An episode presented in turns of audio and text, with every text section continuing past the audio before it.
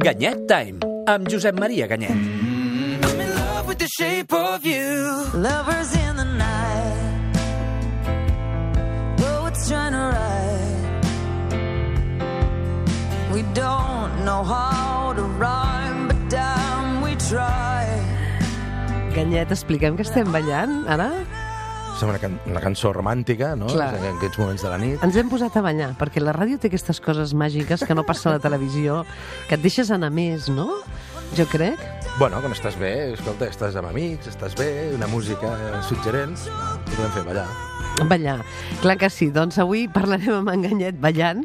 Parlarem d'un tema que ens interessa molt. Se n'ha parlat molt als diaris, però jo crec que a vegades no queda clar.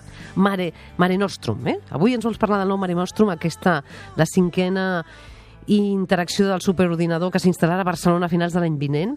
I més enllà del fet de, en si ens vols parlar de l'impacte també geopolític que té i després de la funció que fa. Perquè ens diuen, bé, el gran superordinador. I què fa? Doncs avui ho explicarem de forma senzilla i planera. Importància també geopolítica, deies, Ganyet.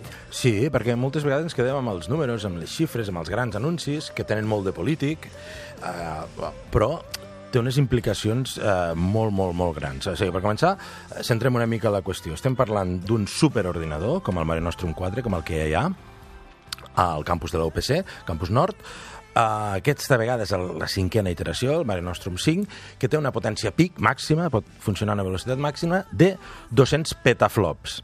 Que això... Petaflops. Què Sí, són, sí, perdona? pe- pe- petaflops. petaflops, que podria ser el nom d'una verdura. Sí, sí, Com sí, expliquem sí, sí, què és un petaflop? que Aquestes modernes.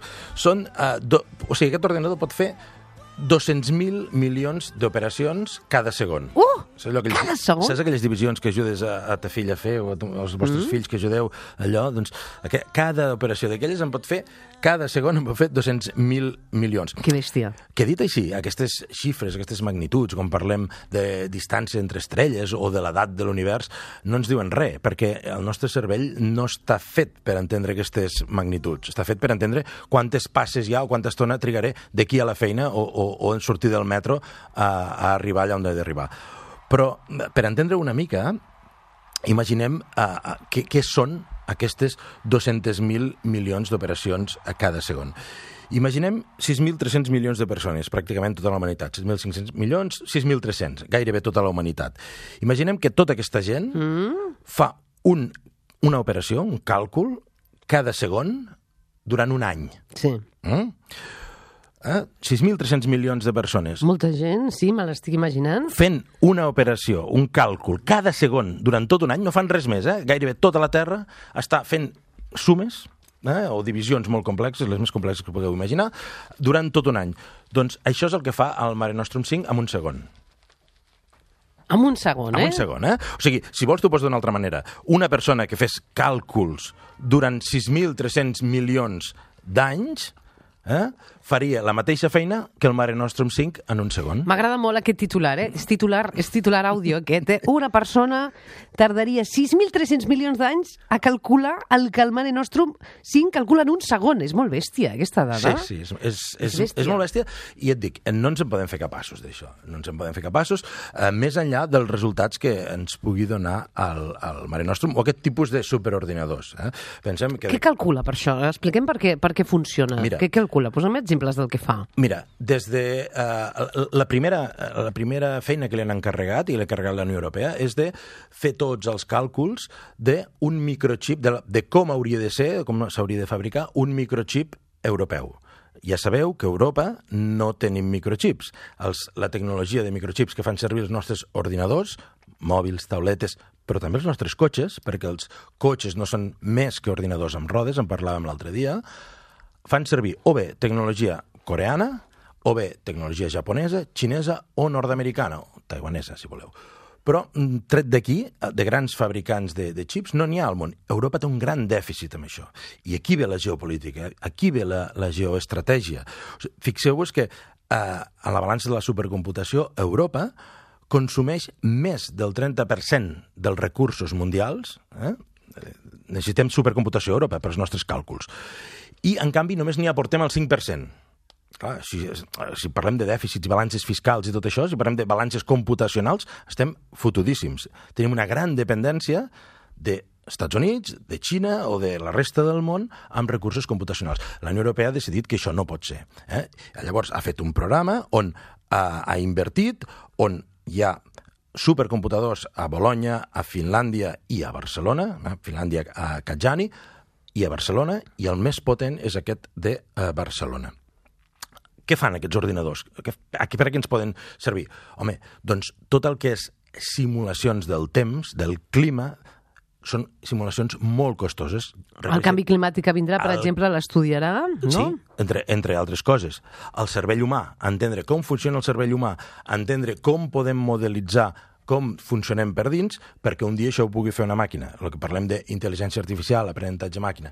Doncs tot això ens pot ajudar. Jo crec que el repte més gran i una de les millors i més grans aplicacions és amb, amb combatre el, el canvi climàtic. És dir, què hem de fer i com ens hem de comportar i quin impacte tindran segons quines decisions en el clima les podem simular amb aquest tipus de superordinadors. Mm, perquè, com explicarem en un Revolució TV3 que veureu, eh, Barcelona serà Sevilla i Sevilla serà Marrakeix, eh? amb el canvi climàtic, o sigui, Sí, vindrà sí, no, bueno, sí, més calor. sí, sí, tot- tot va Ah, pujant, eh? Ens agrada molt, hem d'anar més ràpid. Sí. Eh, per l'estat espanyol és també important i, òbviament, per Catalunya i per Barcelona. Per què, sobretot? Eh?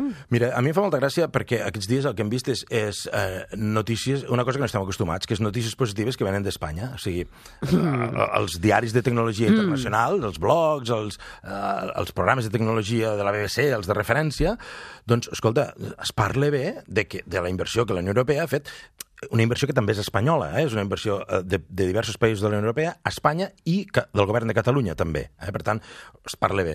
I, I aquest és el meu consell que jo li donaria al ministre Borrell, que en lloc de gastar escalers amb campanyes inútils, que gasti calés amb ciència i amb computació i amb tecnologia i que llavors els resultats ja parlaran d'ell. Bé, uh, per Catalunya i per Barcelona, home, uh, estem en un entorn hipercompetitiu on en el camp de la intel·ligència artificial o de la supercomputació les empreses privades com Google, Facebook i Amazon són capaces de fitxar i atraure el millor talent.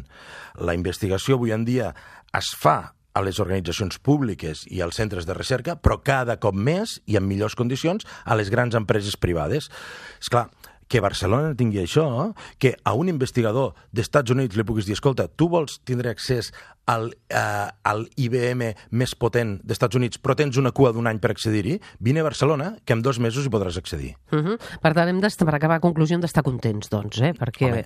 avui en dia que a vegades tenim tantes notícies, doncs amb aquesta hem d'estar contents, eh, celebrar-ho, sobretot Sí. aquest Mare Nostrum tan Sí. important que tenim, i que, sobretot, també calculi eh, funcions socials importants, eh? a vegades, Bueno, també. que, que, el, que el que serveixi per, per, perquè la humanitat sigui millor No, i el- menys desigual. Un dels objectius és que els grans beneficis que doni la tecnologia els siguem capaços de repartir-los bé. No hauríem de caure en cofoismes tampoc, perquè aquests 200 petaflops que tindrem a finals de l'any que ve ja els tenen eh, a Xina i als Estats Units. Eh? Mm. Per tant, i aquests em consta de que aquest any que ve no estaran eh, dormint i, i felicitant-se de que, que bons que són, eh? sinó que atrauran altres ordinadors. En tot cas, estem molt contents, és molt important que això sigui a Barcelona, a Catalunya, i que a Europa, de la mà de Barcelona, pugui liderar també aquesta revolució de la supercomputació. Molt bé, m'agrada molt la samarreta de Josep Maria Ganyet, la veureu a les xarxes socials del nostre programa Instagram, Twitter i Facebook, que penjarem la seva fotografia. Gràcies, una abraçada. Una abraçada.